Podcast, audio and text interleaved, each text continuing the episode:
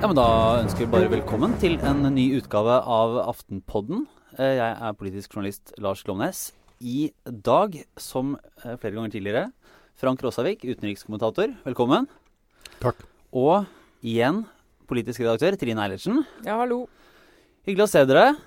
Det har vært eh, ute på, du har vært på, ute på tur denne uka, Trine. Ja, Jeg var på tur. Jeg har vært i London i et par- par-tre dager. Med de høye damer og herrer i Aftenposten. Ja da. Det var eh, eh, redaktører og den slags. Og, ikke, og en del sånn direktører og sånn lesermarkedsfolk og litt sånn. For det, denne INMA-konferansen heter det. Det er en sånn stor eh, mediekonferanse som eh, reiser rundt i verden. Og nå var den så nær Norge at vi reiste ordentlig mange. Vi og folk fra VG og ja, flere andre mediehus. Der vi eh, skal lære av andre og høre hva de gjør og se om vi blir inspirert. Kan nevne da at New York Times har nå ansatt 100 stykker som jobber med content marketing.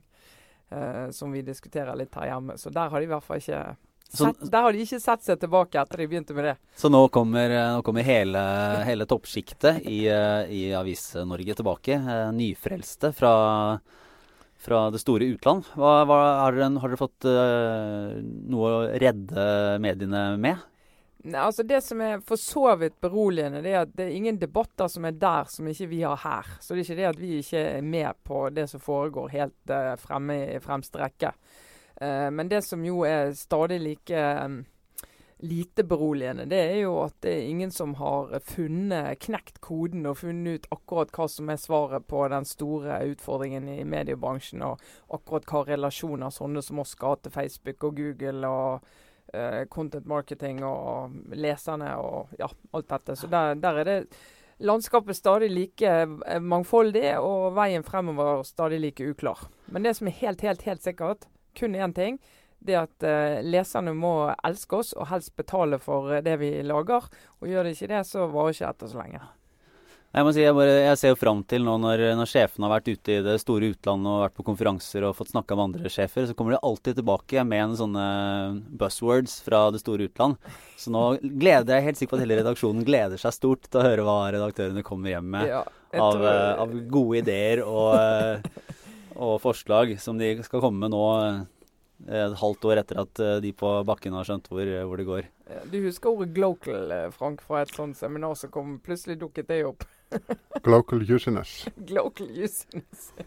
Hva, hva var det? Det må Nei. Frank forklare. Det var, var det, det, var, det, var ditt, det var ditt ord. Nei, det, er noe, det er noe man snakker om på konsernnivå i Schibsted. Det er ikke noe for oss vanlige dødelige. Men eh, det er i hvert fall det vi egentlig skal eh, gå videre med i dag, er eh, litt eh, brexit. Siden, eh, siden dere begge har vært der eh, relativt nylig. Og så Ja. må det bli litt Ryanair og flyseteavgift. Som eh, gleder hele landet om dagen. før vi vel runder av med litt reformhjørne og obligatorisk refleksjon. Ja. Obligatorisk refleksjon som ifølge Dagen får støtte av seks av ti i folket. Ja, folk er Ja, vi, vi kommer tilbake til det. Jeg har synspunkt. Men eh, brexit, eh, var, det, var det det som var praten også denne uka, eller Trine, når du var der? Det er den store praten. Jeg eh, sto jo opp og så BBC frokost-TV hver dag eh, da jeg var der. Eh, og det var tema i frokost-TV hver dag. Forskjellige innfallsvinkler på det. Og ute i hele Storbritannia for å snakke med folk og drive litt faktasjekk. da, For det her er jo virkelig Du husker vi fra vår egen EU-debatt. at dette, Nå begynner vi å nærme oss eh, datoen. 23.6, da avstemningen skal foregå.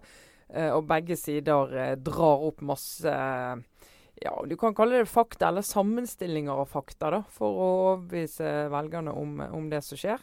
Eh, og Det som kom veldig tydelig frem denne uken, det er jo at eh, slaget står om bl.a. kvinnene. Kvinnene er de som ikke har bestemt seg. Eh, det er de som syns at uh, de får uh, altså en slags informasjon overload så det er vanskelig å rydde i. Men uh, i hvert fall når meningsmålerne spør, er mye mer skråsikre og har uh, tilsynelatende bestemt seg. Så da var det en litt sånn diskusjon om hvordan man skulle få kvinnene til å engasjere seg i, i dette spørsmålet. Og flere av de de snakket med, sa jo at de var ikke sikre at de kom til å stemme, for de følte ikke de hadde De forsto nok hvordan det angikk deres hverdag. da, Så det er jo Men, eh, men eh, Frank, du har jo også reist eh, nylig der og, og, og skal, har skrevet og skal skrive om det her. Men kan du ikke kjapt dra hva er, det, hva er alternativene? Altså hva, hva, er det som står på spill, og hva er det de faktisk Hva vil et ja bety, og hva vil et nei bety, sånn det ser ut i dag? Ja, altså, et ja vil jo bety at ting fortsetter mer eller mindre som før. David Cameron framforhandla en liten pakke med modifikasjoner av Storbritannias betingelser for medlemskap. Eh, ikke rare greiene, men nok til at det var noe han kunne legge fram til en folkeavstemning. Nå skal jo britene si ja eller nei til om de vil forbli medlemmer med denne lille pakken av, eh, av tilpasninger.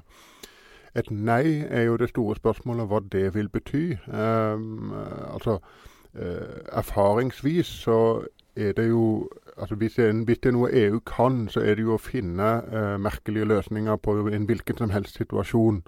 Eh, men det betyr ikke at eh, disse løsningene blir gode. Altså, Man vil finne en løsning, men det blir ikke nødvendigvis en god løsning. Eh, og jeg tror det er blant eksperter, blant folk som ikke har veldig sterke politiske interesser i saken, så tror jeg det er bortimot enighet om at et britisk et, et exit, et brexit, vil ramme Storbritannia politisk og økonomisk, i alle fall på kort sikt. Og Så er det spørsmålet hvor mye vil det ramme, og hvor lenge vil det vare. Men det er jo selv de som uh, vil ut, eller de, de, deler seg vel inn i the remainers og leavers. Og de som uh, går inn for to leave EU, da, forlate EU. Uh, selv de sier jo at jo, det vil få betydning økonomisk på kort sikt, men vi vil få nye handelsavtaler også utenfor EU som gjør at det vil ikke vare så lenge. Og den friheten vi får igjen økonomisk og politisk, er verdt det på litt lengre sikt. da. Ja, men så er problemet da at hvis man skal ha adgang til EUs indre marked, noe britene jo gjerne vil ha, så er det veldig vanskelig å ikke eh, akseptere eh, fri bevegelse av personer, f.eks. Eh, og Det er jo det som er det mest problematiske aspektet nå, at veldig mange briter, spesielt eh, United Kingdom Independence Party, UKIP, eh, driver kampanje mot fri bevegelse av, av personer. Så Hvordan britene skal kunne bli medlem av det indre marked uten å akseptere fri bevegelse av personer, det er vanskelig å se. Fordi EØS er jo åpenbart ikke aktuelt for, for, Storbritannia. Storbritannia vil aldri kunne finne seg i en sånn husmannsordning som Norge finner seg i. Og den sveitsiske løsningen, som er et slags alternativ, den er egentlig heller ikke aktuell for uh, Storbritannia. Først og fremst fordi EU ikke vil ha den, uh, og for det andre fordi den sveitsiske løsningen ikke eh, inkluderer handel med tjenester og tjenester er det Storbritannia eksporterer mest av. Så uansett hvordan man snur og vender på det, det blir eh, vanskelig, men eh, sannsynligvis ikke umulig. Men eh, mange, i Norge i hvert fall, så vil jo mange si at Norge har klart seg bra. Eh, er det vanskeligere å, eller I hvilken grad er det vanskeligere å melde seg ut enn å melde seg gradvis eh, inn eller lage et samarbeid opp mot EU, sånn som man har gjort i Norge? da? Ja, altså Norge klarer seg bra av uh, tre grunner. Det ene er at Norge er fullt ut medlem av det indre markedet og godtar alle regler som man vedtar i Brussel. Uh, gjerne enda raskere og enda mer betingelsesløst enn en EU-landene gjør selv. Det andre er at uh, Norge har ført en markedsliberalistisk politikk på de aller fleste områder. No, på noen områder enda mer markedsliberalistisk enn EU. Og Den tredje grunnen er naturligvis oljen. Så at Norge har klart seg bra, er jo, er jo, noe, er jo ikke noe særlig overraskende. Men det, det, som er interessant, og du har jo skrevet litt om det, Frank, det er jo hvordan dette her, eh, hele diskusjonen har sitt utspring i eh, det konservative partiet, torgene. Uh, og jeg ser jo så nå også fulgt mediedekningen der, så handler det veldig mye om torgene eh, hva som eh, utløste at de havnet i denne situasjonen. For det er jo sånn de snakker om det. litt sånn, Hvordan havnet vi i denne situasjonen? Eh, også hva som vil skje videre med partiet. Det er en ganske spesiell eh, situasjon David Cameron har eh, satt seg i. Ja, altså det er, en, det er, en, slags eh, borgerkrig i det konservative partiet som har ført til dette. og Det er også en av grunnene til at mange briter eh, nøler med å ta stilling, eller ikke helt vet hva de skal, hva de skal stemme. De har egentlig ikke bedt om Eh, bedt om eh, å bli satt i denne situasjonen her. Eh, det er jo egentlig bare halvparten av det konservative partiet og dette UKIP og noen få på venstresiden som syns det er en god idé å, å diskutere og forlate EU. Og Labour-lederen er jo f.eks. For, for å bli i EU. Og det er jo en sterk, sterk gjeng på venstresiden som argumenterer for det, bl.a. pga. Arbeidstakerrettigheter. og det store flertallet i Labour er for å bli. Jeremy Corbyn har også sagt at han er det, men det er jo mange som mener at han egentlig er, er i, i, sitt hjerte ønsker Storbritannia ut. Han stemte jo mot britisk medlemskap i 75. Ja, og en, en, skulle jo tro at han ikke har ikke vært en del av det Labour som har vært mest europavennlig, sånn, som Nei. backbencher og, og på, på venstrefløy i det partiet. Jeg tror det, er, jeg tror det er ganske åpent hvordan dette kommer til å gå. Eh, meningsmålingene tyder på at det blir Remain, men problemet da, hvis man skal se på det som et problem, er at, er at uh, det er de unge som er mest for å bli, og det er de unge som har lavest valgdeltakelse vanligvis. Og Det uh, fører til en usikkerhet om utfallet. Det, i, eh, ved, ved, det faktiske parlamentsvalget så, så, viste det seg jo at alle disse målingene var jo mer eller mindre verdiløse. Det, man klarte jo ikke å fange opp i det hele tatt de faktiske konsekvensene. Er, og man har jo sett at eh, både etablerte partier og på en måte tradisjonelle skal si, sannheter er, blir utfordra. Er, er, det grunn til å tro at man vil få en overraskelse eller kan få en, eh, få en, en, en baksmell når, når valgdagen kommer? og Uh, at man faktisk uh, får større, altså en, større, en, større, andel som vil si brexit enn en å bli? Ja, altså meningsmålinger er ikke alltid til å stole på. og Det er jo fordi man ikke alltid vet hvem som faktisk møter opp og stemmer. Altså, folk som blir ringt opp og, og, og bedt om en, en, en, mening, dem når man fram til. Men det betyr ikke at de som nødvendigvis går og stemmer. Så bomma målingene på det siste britiske parlamentsvalget, men de traff ganske godt på det skotske uavhengighetsvalget, som man jo kanskje kan sammenligne litt med. Der valgte flertallet å bli i, uh, i unionen med, nei, med England uh, fordi eh, pga. økonomisk usikkerhet. Uh, og Det er en, um, en, situasjon som mange tror ligner litt på den vi står foran nå eh, i den folkeavstemningen i Storbritannia. Og det, det, er jo en del når de er i tvil og problemstillingen er så svær og kompleks som det, denne jo egentlig er. Og én ting er jo akkurat det å ta stilling til om, eh, om Storbritannia skal få bli medlem i EU med den nye avtalen. Men noe annet er å ta inn over seg hva det betyr å gå ut. Og det er en del som eh, føler seg usikker på det. Og det tror jeg vi kan, eh, kan se i alle den slags store eh, avstemninger. Og særlig hvis økonomien er litt usikker, så blir det litt sånn jeg vet hva jeg har, men jeg vet ikke hva jeg får.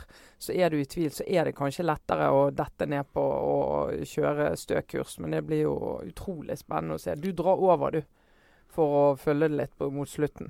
Ja. Det, jeg, jeg, jeg, jeg, var i Skottland fordi jeg ville være til stede hvis, britene, nei, hvis skottene gikk ut av Storbritannia. Og så ville jeg være til stede hvis uh, britene går ut av EU. Men det, vi tar det tungt hvis de gjør det, Frank? Det er ikke noe bra verken for EU eller for Storbritannia, det mener jeg. Ja. Jeg er helt enig. Men eh, ja, når vi, fått, eh, når vi, har fått, slått det fast, så får vi gå til mer hjemlige forhold. Og det som har vært den store politiske nøtten denne uka, nemlig ja, eller hva skal man si, det har jo, Dette har jo ligget i kortene ganske lenge. fordi Ryanair har jo sagt at, at de, de har varslet at de fra 1.11 ikke lenger vil ha Rygge som base.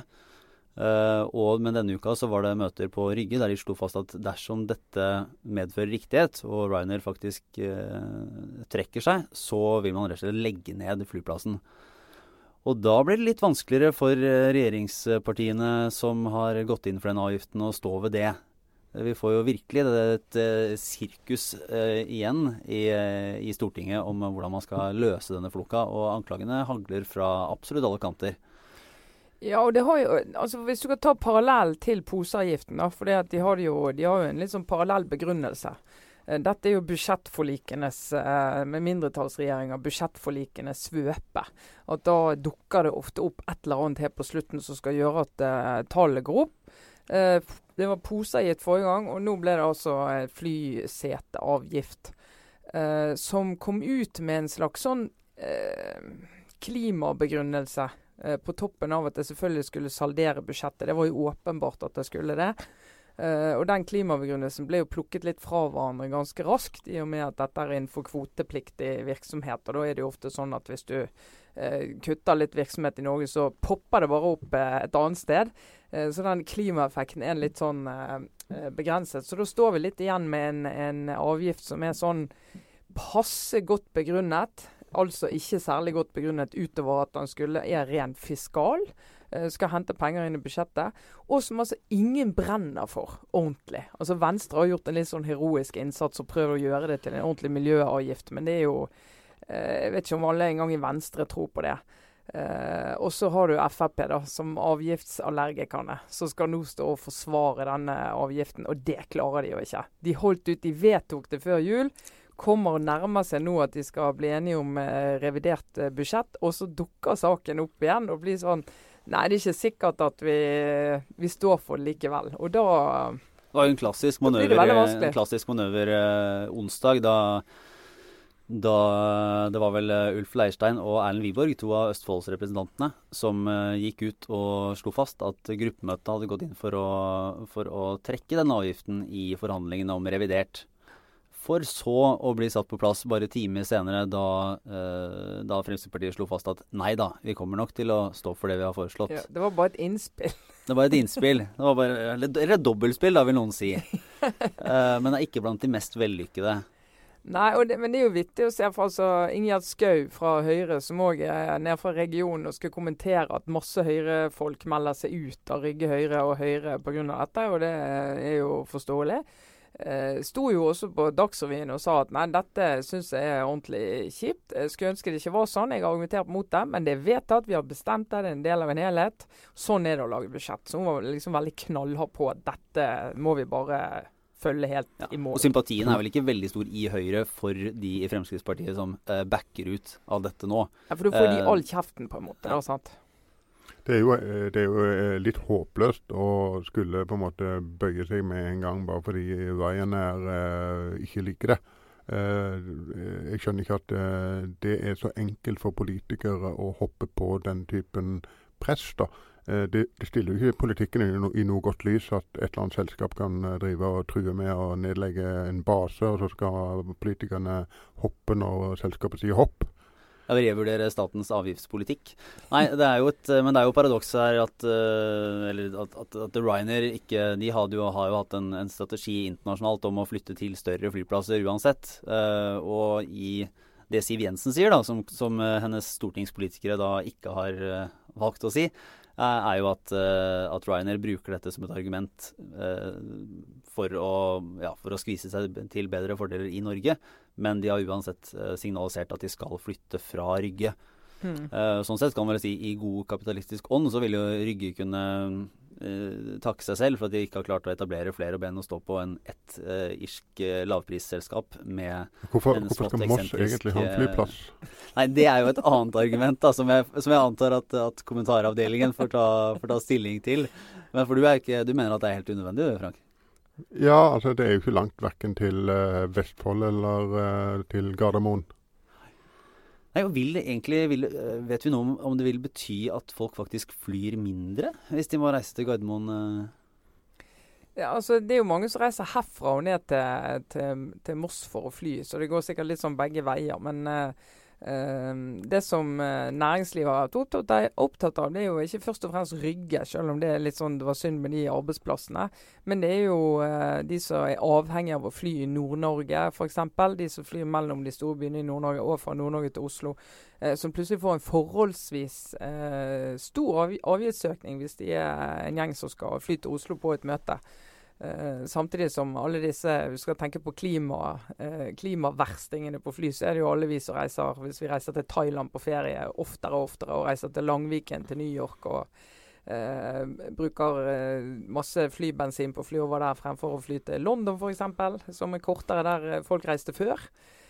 så, så, så er det jo kanskje den type trafikk det er viktig å ramme forholdsmessig. Mens nå blir kanskje den norske innenlandstrafikken uh, uforholdsmessig hardt rammet av en del av uh, trafikken. Ja, for, med en litt sånn litt, litt, Med en gang du ikke er tydelig på begrunnelsen for en avgift, så blir det ekstra mye krangel om det. Og da kan sånn som opposisjonen de kan jo ta tak i hver eneste lille flik av uh, utydelighet og gjøre det til en sak. Og, og, og SAS og Norwegian står jo nå i kø for å, for å presse på samme vis for innenlandsflyvninger, åpenbart. Absolutt. Uh, selv om de ikke nødvendigvis er snakk om å trekke baser. Men de har også advart mot at det vil koste flyvninger, og at man vil kutte i tilbudet. Ja.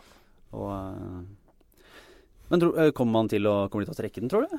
Altså Høyre virker jo Høyre er jo et parti som eh, Altså Det er ikke de som går inn og tar initiativet til å trekke en sånn avgift uten å i hvert fall vippe opp en ny milliard, eller hvor mye det nå var igjen eh, denne skulle dekke inn. Eh, så da må du liksom ha et konkret alternativ. da. Du kan jo ikke gå til oljefondet en gang til. Det blir jo helt absurd. Uh, hvis du skal gjøre det. Det jo, uh, men det er klart Arbeiderpartiet har jo en fest ved å peke på at ja, sånn er det med dårlig styrt mindretallsregjering med et uh, altfor fragmentert grunnlag i Stortinget. Da får du sånne utslag når du skal lage budsjett. Og så kan du jo si at TV 2 hadde en, en god sak her en av dagene om denne prosessen. Og, og, det er vel eh, ifølge dem i hvert fall, så hadde jo Fremskrittspartiet rett og slett en mulighet på slutten av, eh, av forhandlingene om budsjettet om de ville ta dette, hente inn denne milliarden enten på denne flyseteavgiften eller om de ville ha det via altså bensinavgiften. Uh, og så ble det da valgt å ta det ut på fly heller enn å, på, på, bilister. Uh, altså, bilister og, og sånn er jo mer religion, det er jo mer menigheten ja. enn uh, flypassasjerer for Frp. Så akkurat det kan du på en måte forstå Frp. du, Tenk deg hvor de skulle blitt plaget med det hvis de hadde lagt denne avgiften på bilistene.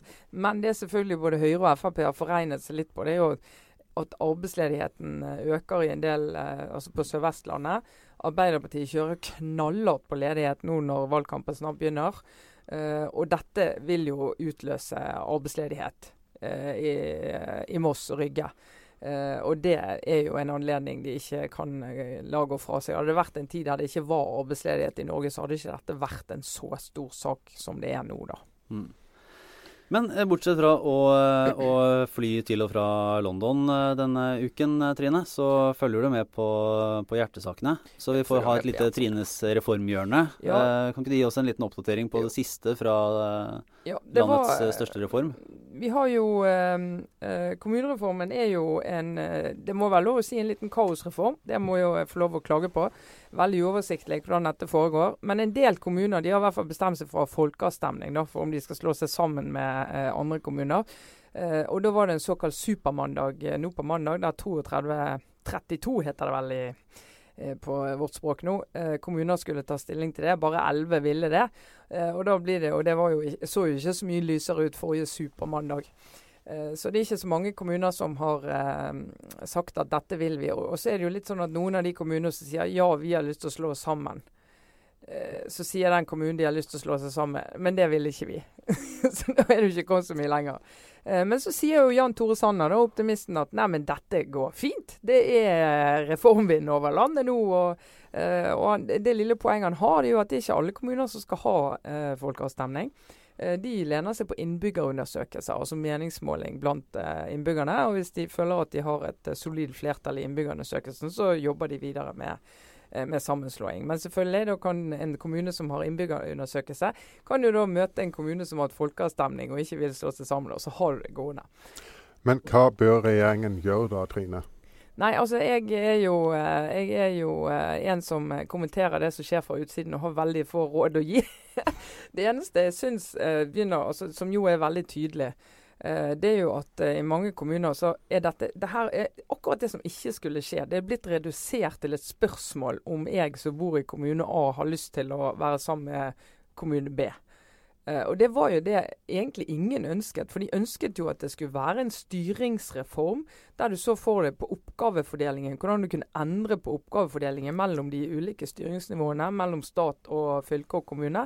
Og der du skulle se hvordan kan vi gjøre kommunene i stand til å løse de oppgavene de skal er pålagt å løse i dag bedre, og i neste steg gi de større oppgaver rundt neste sving. Og Den diskusjonen er nesten helt forsvunnet. Det er kun blitt sånn nabokrangel. Det synes jeg er, og det er jo et politisk ansvar det, å det må, greie det må jo ligge hos, hos Jan Tore Sanner å få, få, dette her inn på en uh, ja, på, på sånn rimelige linjer. Spor. Ja. Og så er det jo det er store lokale forskjeller, og her har du virkelig prisgitt at du har uh, gode lokalpolitikere.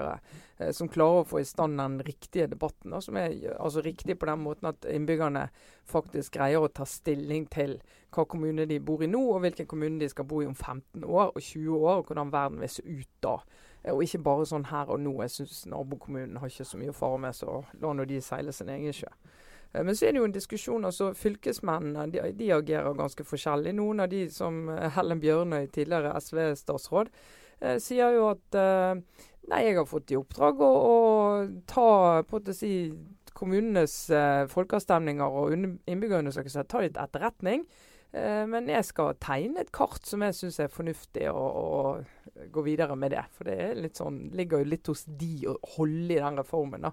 Så det, jeg ser jo utover høsten tror dette kommer til å bli mye mer kaotisk enn noen har ønsket seg. Og for Jan Tore Sanner og Høyre frem mot valget i 2016, eh, så ser det ikke ut som at det blir en sånn altså, Jeg er redd en del av opposisjonen har hatt rett i at denne litt hastverket frem mot uh, for å være i mål før uh, neste valg, gjør at de har mistet mange på veien. De har ikke greid å argumentere for det. og Da kan det bli liksom De vil i hvert fall bli møtt med at det ble en fiasko. da. Hvis du, hvis du, skulle sette pengene dine på noe, hvor mange kommuner tror du de ville ende, de ville ende opp med til slutt i Norge? Vi er vel på 400 og hvor mange nå? Ja, 28 et eller annet. 28 så har det jo skjedd et par ting, men uh, nei, altså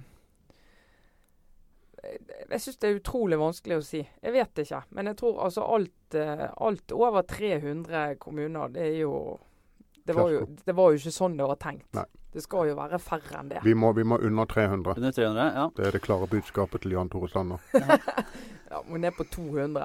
Ja. Men uh, vi har, uh, som folket har, ifølge dagens meningsmåling, altså avisen Dagen, har sagt, så er obligatorisk refleksjon en god idé. Ja. Så får vi få gå videre til vår lille spalte. Ja, For det var nok dette de tenkte på. Så litt, us litt usikkert hva de tenkte på da de tok undersøkelsen, men vi tolker det i vårt favør i hvert fall. Så bare fire av ti sier nei til denne spalten. god journalistisk bruk av statistikk. Det er veldig bra. Ja. Uh, ja, nei, men jeg kan, jo, jeg, kan begynne å, jeg kan jo begynne å reflektere. Jeg vil ikke akkurat påstå at jeg går og tenker på dette kontinuerlig, men det er klart at det amerikanske valget er jo noe jeg er særlig opptatt av i år. og uh, Nå har jo nettopp den første juridiske dommen i denne e-postskandalen til Hillary Clinton kommet. Altså generalinspektøren for, uh, for uh, Utenriksdepartementet har sagt at uh, Hillary Clintons bruk av privat e-postserver til, til korrespondanse som skulle gått gjennom den offisielle e-postkontoen, var i strid med reglene. og det er alvorlig, fordi Hillary Clinton har til nå påstått det motsatte. Uh, så hun har et problem. Uh, og det, det, det, er et problem også fordi at det spiller opp til oppfatningen av Hillary Clinton som en sånn elitist som føler seg litt sånn høyt heva over uh, den vanlige amerikaner. Noe som hun jo for så vidt også er. men riktig alvorlig blir det jo ikke før FBI, altså Federal Bureau of Investigation, den innenriks sikkerhetstjenesten, eventuelt kommer til at hun skal straffeforfølges. Eh, det vet vi ikke om FBI kommer til å konkludere med. og den, den dommen eh, venter vi på, eller den avgjørelsen da venter vi på. Hvis den kommer, så eh, vil jo problemet for Hillary Clinton selvfølgelig bli enda større. Og man kan spørre hvor, hvilke konsekvenser det får for valget. fordi på det tidspunktet vil hun sannsynligvis være klar Eh, å ha, å ha, vunnet nominasjonskampen mot Bernie Sanders. Men bare i Fordi eh, det kan jo framstå litt uklart for de som ikke er uh, veldig inni det her, og, og, flere av de som prøver å komme inn i det, syns også det er litt vanskelig, tror jeg. Hva er altså det liksom, grunnleggende problemet i at hun har hatt en egen server? Altså, hvorfor er dette så alvorlig at det kan, at kan ramme ambisjonen om å bli president? Ja, altså, Det er jo at hun har eh, holdt korrespondansene utenom de ordinære kanalene. Altså eh, holdt de unna, eh, holdt de unna andre toppfolk i departementet som egentlig skulle ha sett hva dette dreide seg om. At det, at det ikke er journalført. Og at dokumenter kan ha kommet på avveie. Jeg, jeg, er heller ikke 100% inne i alle detaljene her, men så vidt jeg har skjønt, så er det det siste som er det mest alvorlige. Altså faren for at graderte dokumenter kan ha kommet feil personer i hende, eller, eller at eh, Hillary Clinton har oppført seg på en måte som øh, økte faren for det. Uh, så vidt jeg har skjønt, er det det som er det verste, uh, og det er jo det folk nå venter på. Men allerede det som nå har skjedd, er alvorlig for Hillary Clinton og vil bli brukt av, av, av Donald Trump og republikanerne, selvfølgelig. Det vil i så fall Det virker som en sånn eh, Det er jo Jeg må si det er litt imponerende at den derre regelrytteriet på uh, offentlighetsloven og uh, byråkratiets prinsipper er så uh, er så ivrig at, at det blir et, blir et, så, blir et problem. Men det Jo, men altså, hør. Hvis, hvis, hvis utenriksminister hvem nå, ja, Børge Brende Hvis han hadde hvis han hadde øh, drevet og, med all sin korrespondanse via sin private Gmail-konto istedenfor øh, UD-kontoen, så tror jeg nok at mange i Norge ville, også, ville, ha reagert på det også. Og så er det vel litt som det alltid er, at Én ting er at det skjer, men uh, det som ofte blir det store problemet, er jo hvordan du håndterer det. Og Hun vil vel tolkes som at hun har prøvd å bagatellisere det langt på vei. Utvilsomt. Eller så, så, langt jeg kan bedømme, ja. Så, så hun, hun, har et problem, men men uh, det som kanskje kan hjelpe henne, er at uh, dette har vært et problem i hele år. Uh, og, og, det er egentlig ingen som er så veldig overraska over at, over at hun ikke har opptrådt helt korrekt. Da. Så det, det, er mulig at hun er halvveis tilgitt av mange. Det, det, er jo ikke første gang en amerikansk presidentkandidat ikke har helt orden i sysakene. Litt fascinerende egentlig når du tenker på å gå inn i den i et sånt race og, og, vet hvor saumfart du blir opp og ned, privat og offentlig. Alt du gjør blir saumfart. Og så er det likevel ting å finne. Det, men det er vel uh, det menneskelige aspektet i det. Så, Trine, når du går inn i helgen, hva tar du med deg som, uh, som tema og ja. obligatorisk refleksjon? Nei, det, det, har jo vært mye å tenke på denne uken. her. Alt fra apekatt-tegninger og eh, andre hjemlige debatter. Men eh, jeg tror jeg skal ligge under det. Og så skal jeg heller eh, anbefale eh, altså de som, eh, som, er opptatt av brexit. og det vil jeg jo håpe og tro at mange er. Eh, så finnes det jo en del gode britiske eh, nyhetstidsskrifter som, eh, som, det er verdt å lese. Economist er åpenbart New Statesman er et annet, og, og selvfølgelig britiske aviser. Men altså gå inn der og lese litt kommentarstoff. Både om aktørene. Det er noen sviende kommentarer som går nå for tiden. Både om David Cameron og Boris Johnson. Og det er jo først og fremst som sagt de konservative dette handler om. Uh, og de får jo passet sitt påskrevet av alle sider av uh, alle, de, uh, alle, ender i denne saken her.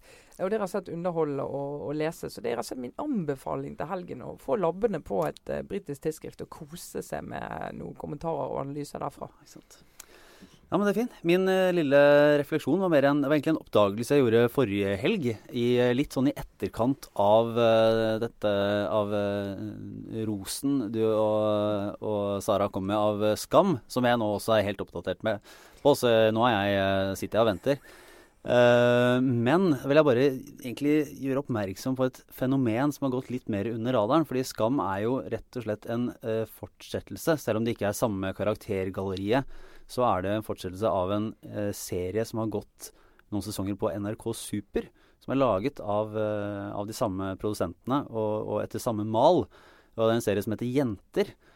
Uh, og det er jo uh, noe som ganske få har fått med seg. Og jeg, jeg aner ikke om det egentlig ville ha noen interesse for de som uh, er eldre å se. Jeg tror ikke den har den samme crossover-appellen. Men det som er litt fascinerende, er hvor Uh, stort det har vært i et enkelt segment. da, altså i en, uh, Det har slått så veldig gjennom i en aldersgruppe. Så av alle ting så er min uh, kusine, som skal konfirmere seg nå i helgen Hun har spilt da fire sesonger i denne Jenter. og det, er, det, absurde er at hun da, som, som aktør i dette her, på Instagram så har hun altså 150 000 følgere. Sagt være dette her. På Twitter? På, på Instagram. Ja, på Instagram, ja. Sånn at det har jo da sittet som er liksom helt ukjent for alle som er litt eldre og, og gir seg litt yngre. Men i ett lite segment så finnes det da en sånn kjendisskare uh, og, og, noen som følger med, der, der dette er uh, kjempestort. Det, det, var jo det de ville med Skam òg, men det har jo piplet over i alle aldersgrupper. Så nå er jo det jo ja, blitt et problem, har jeg skjønt. Ja, ja, ja. Nå kommer kritikken av at uh, de, de, voksne har stjålet hele opplegget. Så, uh, men det er, det er, i hvert fall det er et uh, morsomt fenomen. Ja, men Hva heter kusinen, så jeg kan følge om på Instagram? Oh ja, nei, det tror jeg hun skal Hun har nok følgere. Og nok følgere, ja. Da skal ikke hun få meg. Greit, ellers. Jeg tror Lars, jeg tror Lars er litt uh, misunnelig. Ja, ja, ja. Her, jeg har jo, er jo, jeg er jo ikke, jeg er ikke i nærheten Du har jo Virkelig ikke. 80-90 følgere, du, da. Ja, her har jeg bikka inn i tre, tresifra, men eh, det er ikke Jeg sa Jens Stoltenberg har sånn 32 000. Ja, ja, så han har liksom lang vei å gå. Ja, ja, det er ingenting, og, ingenting å, å stille opp med. Men eh, da takker vi vel for oss for denne uken, rett og slett. Ja, inn i en ny uke uten røde dager. Hvordan skal det gå? Ja, det ble en, en lang uke. Ja. Som eh, Ja, der jeg egentlig har fri. Eh, men vi får se om det kanskje blir en uh, podkast likevel. Kanskje. Takk til deg, Frank Råsavik. Jo, takk selv. Trine Eilertsen. Jeg er Lars Klommes. Ha det bra.